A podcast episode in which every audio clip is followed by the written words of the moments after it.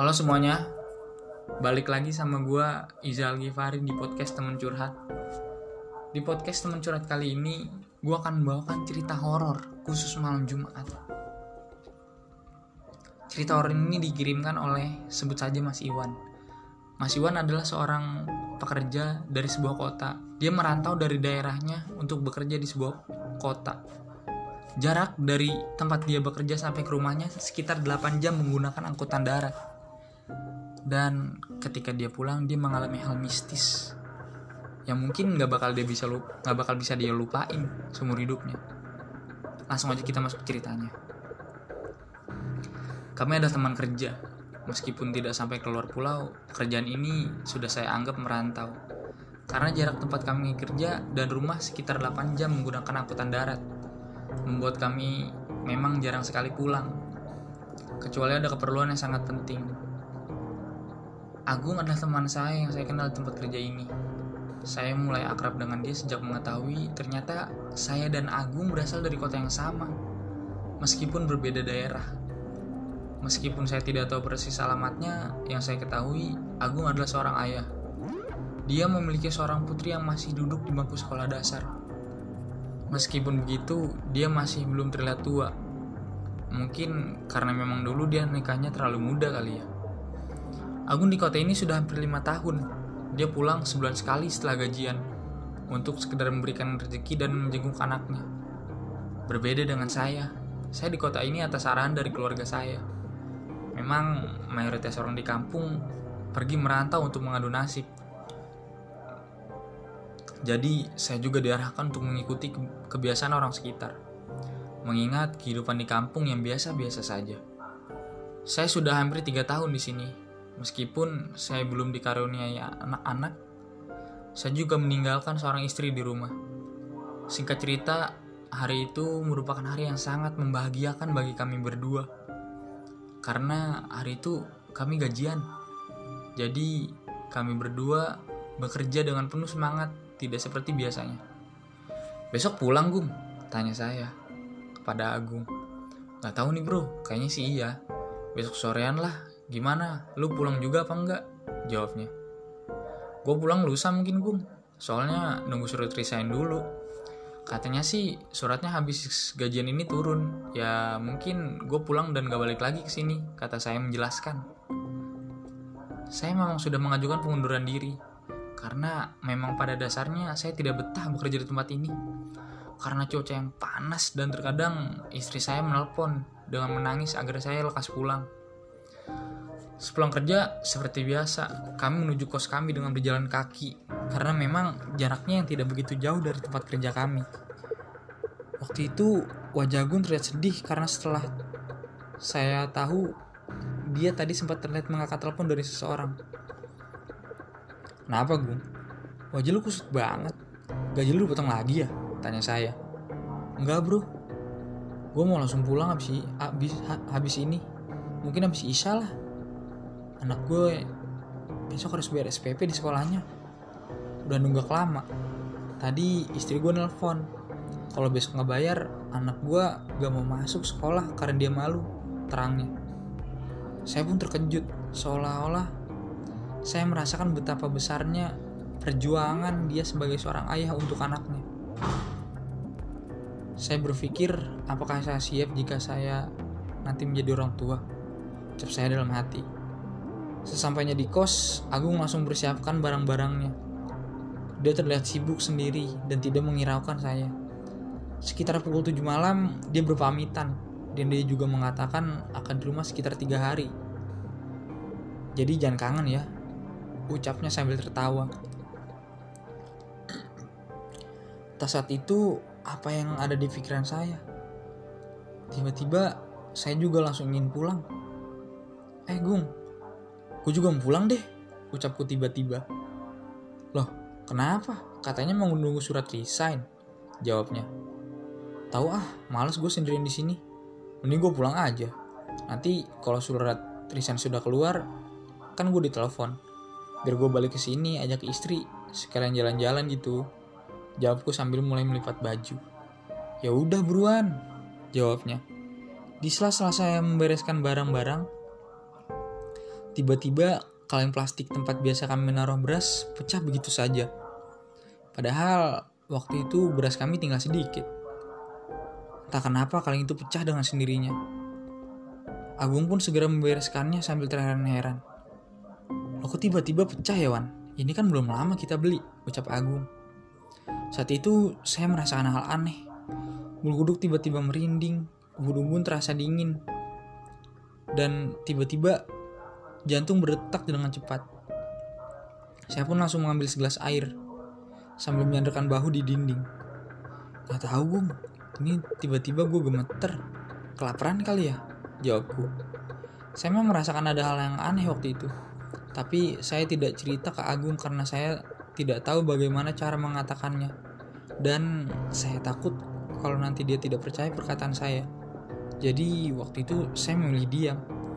Akhirnya kami meninggalkan kos kami sekitar pukul 8 malam menuju terminal. Kita pun istirahat sejenak sambil makan malam. Setelah makan malam di terminal, akhirnya kami menaiki bus yang memang sudah biasa kami tumpangi jika hendak pulang. Suasana bus waktu itu sangat sepi. Mungkin cuma sekitar 8 orang. Jadi waktu kami habiskan untuk istirahat sepanjang perjalanan karena badan sudah lelah sehabis kerja seharian. Dan belum lama saya tidur, saya terbangun. Karena bus yang kami tumpangi tiba-tiba berhenti. Saya kira sudah sampai. Ternyata belum. Bus yang kami tumpangi berhenti karena mogok. Entah kenapa waktu itu saya kurang paham. Karena bosan menunggu di dalam, saya memutuskan untuk turun. Waktu itu hampir semua penumpang ikut turun. Karena memang sudah hampir satu jam bus ini mogok. Dan kami pun tidak mengetahui alasannya. Di sela-sela saya menunggu bus diperbaiki, saya malah memikirkan kata-kata Agung. Ternyata berat juga ya tanggung jawab seorang ayah. Sambil sampai rela melakukan semua ini demi anaknya. Sambil melihat dari kejauhan, Agung ngobrol dengan salah satu orang yang saya yakini dia adalah kondektur bus. Namun saya pun terhenti ketika melihat Agung berjalan ke arah saya. Lagi-lagi dengan wajah yang kecewa. Naik bus lain Yuan, ini mogoknya lama kayaknya. Kita disuruh nunggu mau dioper ke bus lain. Supirnya lagi telepon bus lain yang ke arah sini, ucap Agung. Gak masalah dong, kita tinggal nunggu bus datang, urusan beres. Terus kenapa wajah lu jelek banget gitu? Jawabku. Ini kalau nunggu bus katanya 1 sampai 2 jaman, Wan. Ini masih jauh. Gue takut kalau besok pagi sampai rumah sampai rumah lebih dari jam 7 pagi. Kan anak gue bisa nggak sekolah, Wan. Tutur Agung. Ya enggak lah. Mungkin besok paling lambat jam 4 pagi juga udah sampai rumah, Gung. Jawabku santai. Itu rumah elu. Kalau ke rumah gua sampai mungkin jam 5 pagi. Terus harus naik angkot lagi sekitar satu jam. Itu pun kalau nggak banyak berhenti ngetem. Dan ini kita juga belum tahu busnya datang jam, ber jam berapa. Jawab Agus meyakinkanku. Ya udah terus gimana? Sautku. Agung pun seketika menuju ke arah kondektur. Setelah dia terlihat melakukan obrolan, dia tiba-tiba masuk ke dalam bus. Dan tidak lama kemudian, dia kembali turun sambil membawakan tas saya. Benar. Akhirnya kita berjalan kaki, kurang lebih 30 menit, mencoba mencari bus lain. Apa pun itu busnya, asal satu arah ke kota kami, akan kami berhentikan, pikir kami. Waktu itu sekitar tengah malam, dan kami berada di jalan sepi, jauh dari pemukiman, serta berharap segera menemukan bus yang searah dengan tujuan kami. Setelah beberapa lama, tiba-tiba dari kejauhan terlihat sorot lampu yang saya duga itu adalah sebuah bus. Sontak, saya langsung maju, lebih mendekat ke arah jalan sambil melambaikan tangan, agar pengemudi mengerti kalau kita ini calon penumpang. Bus pun berhenti sekitar 40 meter agak kebablasan, karena mungkin kami tidak terlihat dari jauh, jadi pak supir kaget. Lalu nggak siap untuk menginjak rem, jadi kebablasan, pikirku. Kami pun berlari ke arah bus tersebut. Agung waktu itu berlari lima langkah di depan saya, karena memang dia terlihat lebih bersemangat kali ini. Mungkin karena kita dapat bus kali itu ya. Ketika berlari, saya merasakan apa yang saya rasakan ketika di kos tadi. Tiba-tiba jantung saya berdetak cepat dan dingin di daerah ubun-ubun. Sontak saya berhenti berlari dan hanya berjalan cepat. Karena saya pikir supir sudah tahu. Pasti saya ditunggu meskipun tidak perlu berlari, pikirku. Ketika mendekati bus, saya merasakan badanku semakin dingin. Bulu kuduk merinding dan perasaan tidak karuan. Dan semakin dekat ke bus, tiba-tiba telinga saya berdenging kencang. Saat itu, saya sudah merasakan kalau ada yang salah dengan bus ini. Melihat hanya pintu depan yang terbuka dan saya dari arah belakang bus. Membuat saya harus berjalan melewati badan bus. Seingat saya, bus ini tidak sebesar bus patas pada umumnya. Bus ini terlihat lebih tua dan berukuran lebih kecil dengan warna yang sudah pudar, ditambah tulisan stiker bus yang sudah terkelupas. Membuat saya tidak bisa melihat nama bus apa yang saya yang akan saya tumpangi. Semuanya berubah ketika saya pertama kali melangkahkan kaki ke dalam bus ini. Saya sudah merasakan kalau kami akan berpindah alam. Badan seolah melewati pintu gaib, rasanya dingin pekat. Seolah memasuki kulkas, saya sudah tidak bisa kembali karena pintunya sudah ditutup dan kami sudah berada di dalam. Saya melihat sosok supir bus tetap menghadap ke depan tanpa menghiraukan kedatangan saya. Sempat terlihat dia memegang rokok di tangannya yang masih menyala. Saya berjalan pelan mencoba mencari tempat duduk Agung yang sudah duluan naik ke sini. Karena minim cahaya, penglihatan saya jadi terbatas. Saat itu saya cuma melihat penumpang. Ada beberapa penumpang yang sedang tertidur pulas, ada yang memakai baju coklat, hitam, dan putih. Ada juga seorang yang sedang melamun menghadap ke kaca. Jadi semua penumpang saat itu tidak ada yang menghiraukan kedatangan saya. Tiba-tiba pandang saya teralihkan. Terlihat Agus melambaikan Agung melambaikan tangan memberi tanda keberadaan dia. Dia duduk di kursi nomor 2 dari belakang. Aku pun memahaminya dan menuju ke arahnya. Karena Agung yang sampai duluan, dia yang duduk di samping kaca dan saya yang duduk di tengah. Karena bus ini kecil, yang tiap barisnya hanya berisi dua kursi, jadi waktu itu saya bisa langsung melihat ke arah depan meski saya duduk di belakang. Ketika saya menduduki kursinya, hawa berubah seketika menjadi panas dan membuat siapa pun yang duduk di situ pasti tidak akan merasa nyaman. Gung, ini bus mau ke mana? Lu udah nanya? Tanyaku. Sudah, tadi katanya ini langsung ke kota kita. Tidak bakal berhenti, langsung patas, jawab Agung. Gue kok nggak pernah lihat bus kayak gini ya, Gung? Tanya aku lagi dengan rasa penasaran. Udah nggak apa-apa. Yang penting kita sampai rumah. Gue udah ngomong kok kalau lu turun di depan masjid biasanya, terang agung. Rumah saya memang tidak jauh dari jalan, jadi waktu itu merasa agak aneh dengan bentuk bus yang saya tumpangi. Karena memang saya tidak pernah melihat bus semacam ini. Dalam perjalanan, Agung memilih kembali untuk tidur dan saya memilih untuk tidak tidur karena memang saya merasakan hal aneh. Waktu itu suasana dalam bus sangatlah sunyi, tidak ada suara sedikit pun, bahkan dari arah luar. Kita seolah tidak sedang menaiki bus. Setelah hampir dua jam perjalanan, firasat saya kalau kita sudah berpindah alam ternyata benar. Hal itu terlihat waktu bus yang saya tumpangi ini berhenti, seolah menurunkan penumpang. Namun saat itu kita sedang berada di tempat gelap dan tidak ada jalan ataupun rumah di sekitar tempat bus ini berhenti. Saya coba memastikan dan memang benar tidak ada satupun rumah ataupun bangunan di sekitar sini. Yang terlihat hanyalah hutan. Saya kembali duduk, coba menenangkan diri dan mulai berdoa. Saya keluarkan tasbih di dalam tas dan berzikir, meminta pertolongan kepada Tuhan. Tak lama kemudian, saya melihat beberapa penumpang yang terlihat aneh dari belakang. Dia berjarak dua kursi di depan kami. Terlihat dari tempat duduk saya, mereka memakai baju putih. Saya sangat yakin sosok itu adalah sesosok pocong. Terlihat dari kain yang terikat di atas kepalanya. Meskipun saya tidak bisa melihat badannya karena terarang kursi, tapi saya yakin kalau mereka adalah pocong. Baju putih kusam dengan banyak sisa tanah yang masih menempel di tubuhnya. Sudah cukup untuk membuat saya gemetar ketakutan. Saya pun lalu membangunkan Agung. Agung yang saya terbangun langsung kaget melihat saya yang bercucuran keringat dan terlihat gugup. Seolah sembunyi dari kejaran banyak orang. Lu kenapa Wan? Nan kencing lu? Kata Agung heran.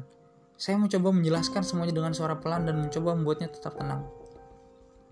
Agung saat itu bersikukuh tidak mempercayai apa yang saya katakan. Dia memilih tidur karena saya tidak berhasil memberikannya bukti. Waktu dia bangun, sosok pocong tersebut tiba-tiba sudah menghilang. Alah lu, udah lu tidur aja. Lu tuh capek, jadi halusinasi. Ini kita tidur aja. Masih jauh nih. Nanti kalau gua nggak tidur, gua kebelet kencing man. Di sini nggak ada toilet. Udah yuk tidur, jangan ngaco. Jawab Agung. Dan Agung pun kembali melanjutkan tidurnya. Tak lama kemudian, saya mencium bau bangkai yang sangat menyengat hidung. Setelah saya cari, ternyata bau itu berasal dari belakang kursi yang saya duduki.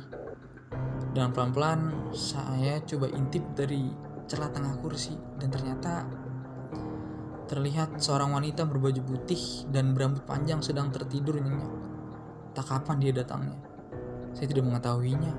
Pasalnya pertama kali saya duduk di sini kursi belakang kami memang kosong. Jaket saya pun langsung saya buat untuk menutupi hidung saya saat itu. Saya pikir membangunkan Agung pun percuma dia nggak bakal percaya. Ditambah setelah tadi saya gagal memberinya bukti. Jadi kali ini saya tidak berani membangunkannya. Setelah agak lama, bau itu pun hilang. Dan saya oleh perempuan tersebut juga sudah tidak ada. Akhirnya saya putuskan untuk tetap tenang dan kembali fokus berdoa dan berzikir. Nanti kalau sudah ketemu rumah atau tempat apa pun yang terang, Agun akan saya bangunkan dan saya paksa turun. Pikirku. Sepanjang perjalanan saya tidak melihat bus ini berpapasan dan kendaraan sama sekali. Kita seolah hanya berputar di dalam hutan. Dan sesekali bus ini berhenti, entah itu menaikkan atau menurunkan penumpang. Saya juga tidak tahu, karena tiap kali bus ini berhenti, keadaan tetap sepi. Tidak ada suara orang naik ataupun turun. Saya sama sekali tidak berani pergi ke depan, karena dari awal saya sudah merasakan kalau saya berpindah alam. Lebih baik saya memberikan bagaimana caranya bisa keluar dari bus ini. Bus kembali berhenti seolah ada penumpang. Ternyata kali ini memang benar.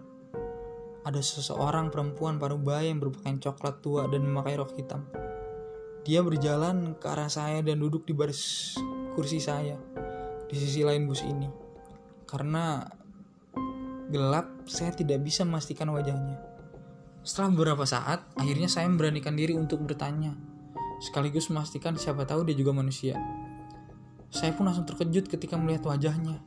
Wajahnya hancur, seperti habis kecelakaan. Hidung, pipi, mata, jidat sudah mencampur menjadi satu. Saat itu, saya langsung kaget dan berdiri melihat sekitar. Ternyata juga tidak ada jalan raya. Saya pun langsung membangunkan Agung. Ketika dia bangun, dia menolak sa saya ajak turun. Karena dia bersikukuh kalau saya halusinasi. Saya pun maksanya mati-matian. Tetapi dia tetap tidak mau turun. Hingga akhirnya bus ini berhenti seperti biasanya.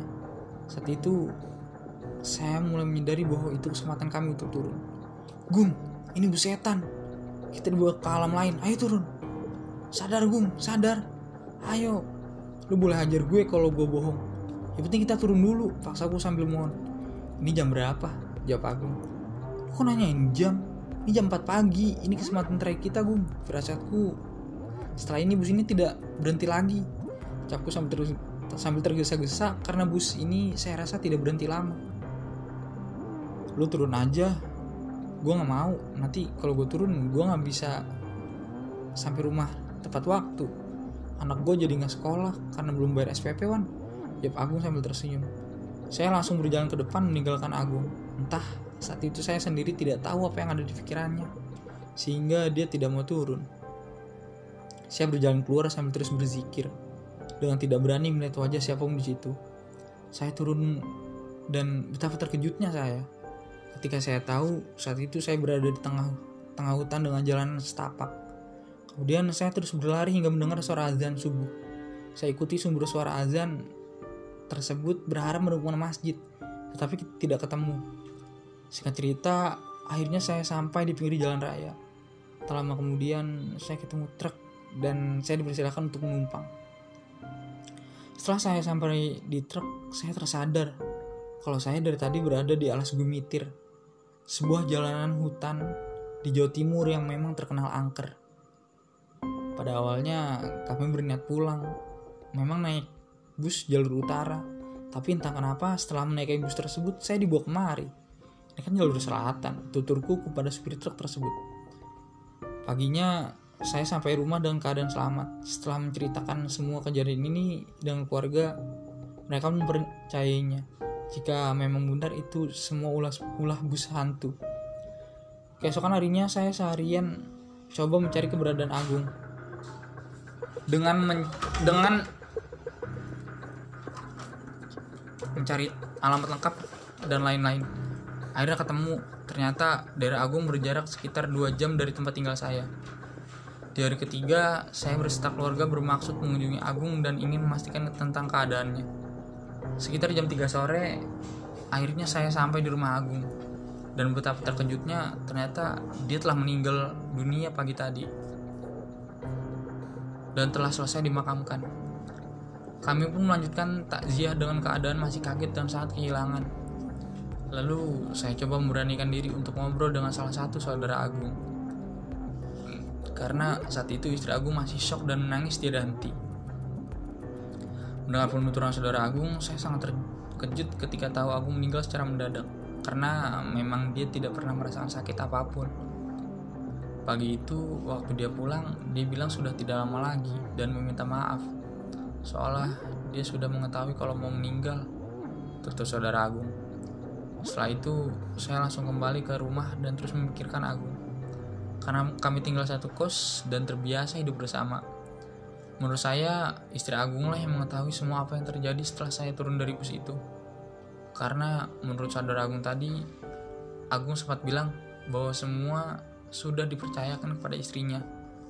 Dan berkata kalau nanti ada teman kerja yang mencarinya suruh tanya kepada istrinya bagaimanapun ke kejadiannya saat itu saya tersadar kalau yang dimaksud adalah saya. Setelah tujuh hari kematiannya saya untuk kedua kalinya berkunjung ke rumah Agung dan mencoba mencari tahu apa yang sebenarnya terjadi kepada saya setelah saya turun dari bus tersebut.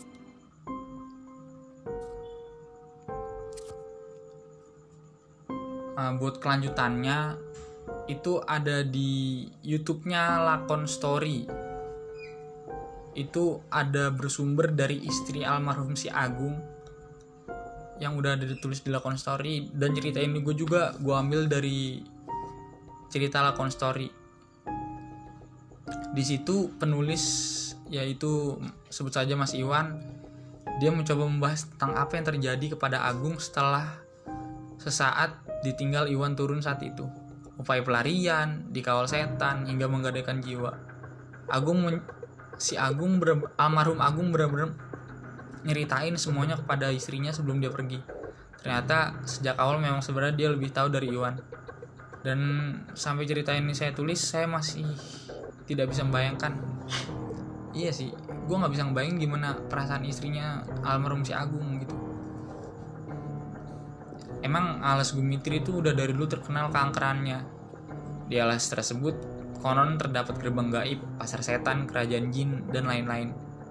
Begitupun proses pembuatan jalan tersebut juga hasil kerja paksa yang digagas kolonial Belanda. Itu kerja Rodi kayaknya itu. Ditambah konon katanya di tempat ini dulu juga digunakan sebagai pembuangan jasad PKI hingga berserakan di pinggir jalan. Pantes, serem. Ternyata emang banyak tragedinya sebelum jadi jalan raya juga jadi nggak aneh kayak banyak kejadian gitu kalau misalnya lu semua nyari di internet mungkin lu baca banyak kisah yang terjadi gitu di alas gumitir mulai dari posisi tangan patung yang berubah di situ ada patung di situ. Panggilan dari seberang jalan hantu kepala dan masih banyak. Pokoknya lu cari aja nanti alas gumitir gitu. Lu baca ceritanya. Oh iya buat tipsnya usahain jangan lewat hutan jalan di hutan itu malam-malam. Karena banyak mistisnya terus juga banyak rawan kejahatan kayak begal gitu-gitu. Nah buat kelanjutan ceritanya lu bisa nonton di YouTube-nya Lakon Story. Dan jangan lupa follow sosial medianya Lakon Story. Twitter at Lakon Story dan Instagramnya. Oh Instagram nggak ada. Ya Twitter at Oke makasih semuanya Udah dengerin ceritanya. Tungguin cerita-cerita selanjutnya.